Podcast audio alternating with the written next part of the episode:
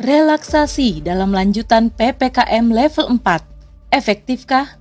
Oleh Dia Dwi Arista.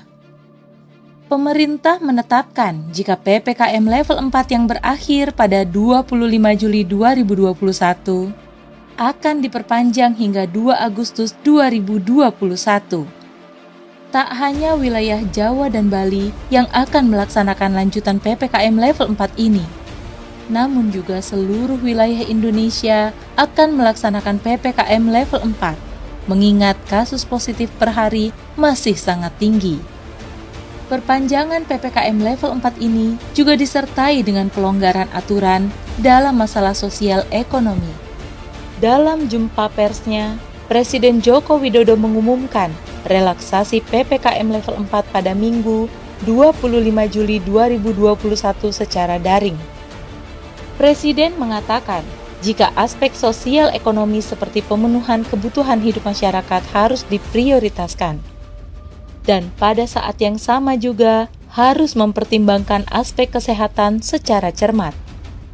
Maka, Presiden memutuskan akan melanjutkan PPKM level 4 dengan melakukan beberapa pelonggaran terkait aktivitas dan mobilitas yang dilakukan secara bertahap. Dengan adanya pelonggaran sosial ekonomi ini, pasar yang menjual sembako, PKL, warung kecil, usaha laundry, dan lain-lain diperbolehkan untuk beroperasi dengan protokol yang ketat dan sampai pada waktu yang ditentukan. Tentu saja, penetapan baru ini menjadi angin segar bagi para pelaku usaha kecil yang menggantungkan kehidupan dari beroperasinya usaha mereka secara harian. Namun, aturan baru ini apakah benar-benar efektif untuk dilakukan?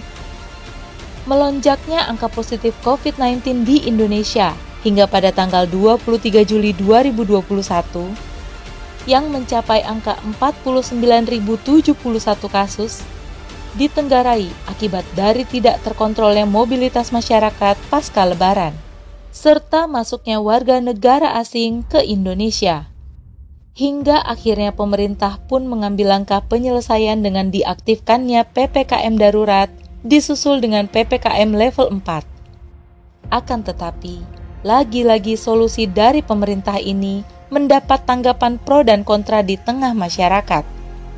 Bagai jauh panggang dari api, bukannya menyelesaikan lonjakan kasus, pemerintah malah menciptakan masalah baru di tengah masyarakat aturan yang terkesan meniadakan lapangan pekerjaan bagi sebagian usaha kecil ini dikecam berbagai pihak. Karena pemerintah dinilai tidak bertanggung jawab terhadap kebutuhan masyarakat yang diharuskan tetap berada di dalam rumah. Bahkan, rakyat bagaikan diberi pilihan meninggal karena terjangkit virus ataukah karena kelaparan. Karena memang aturan ini sangat tidak logis bagi sebagian besar rakyat Indonesia yang menggantungkan pendapatannya dari penghasilan harian. Tak hanya itu, pemberlakuan PPKM juga mengakibatkan kemacetan panjang, memperparah kerumunan di jalan dan tol. Belum lagi masalah distribusi bahan pokok yang harus melewati tol menjadikan harga bahan pokok malah melonjak di tengah masyarakat. Menambah daftar panjang kegagalan pemerintah dalam mengatur pembatasan mobilitas masyarakat. Aturan ini juga tidak efektif melihat sikap pemerintah yang plin-plan dan terkesan pilih kasih terhadap rakyat. Di tengah pemberlakuan PPKM, negara malah menerima kedatangan warga negara asing yang mempunyai potensi besar membawa virus varian baru ke tengah masyarakat. Sedangkan rakyat malah diperketat pergerakannya tanpa ditanggung nafkahnya. Tindakan yang kurang tepat dan berlarutnya ketidakkonsistenan pemerintah dalam penanganan pandemi berimbas ketika terjadi outbreak kasus pada bulan Juli. Ketika kasus positif terjadi secara masif, sedangkan lagi-lagi pemerintah belum siap dalam perencanaan medis, baik dari segi tempat isolasi, kesediaan bed di rumah sakit, ventilator, bahkan tabung oksigen, yang berakibat pada melambungnya angka kematian. Adanya pelonggaran pada PPKM lanjutan ini memunculkan pertanyaan baru akankah PPKM level 4 efektif dalam menghilangkan pandemi ataukah seperti yang lalu? Hanya penggantian nama namun tidak efektif dalam menghilangkan wabah di tengah masyarakat. Jika dilihat dari pemberlakuan pembatasan dari awal wabah muncul di Indonesia, yakni PSBB, kemudian berlanjut hingga PPKM level 4. Tujuan dari semua pembatasan tersebut hanyalah menurunkan angka kasus, bukan untuk menghilangkan wabah.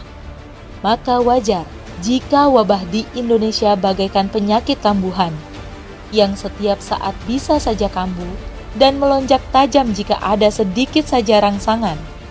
Tentu jawabannya adalah tidak efektif. Selama pemerintah melakukan tambal sulam dalam penanganan pandemi, satu sisi berharap wabah hilang, di sisi lain, pemerintah tak kuasa menolak WNA masuk ke dalam negeri. Berharap warga tenang stay at home namun tetap tak ada tunjangan bagi kebutuhan pokoknya. Bagaimana bisa mengharapkan hasil yang berbeda jika melakukan usaha yang sama? Berbeda dengan Islam. Islam adalah agama sekaligus aturan hidup.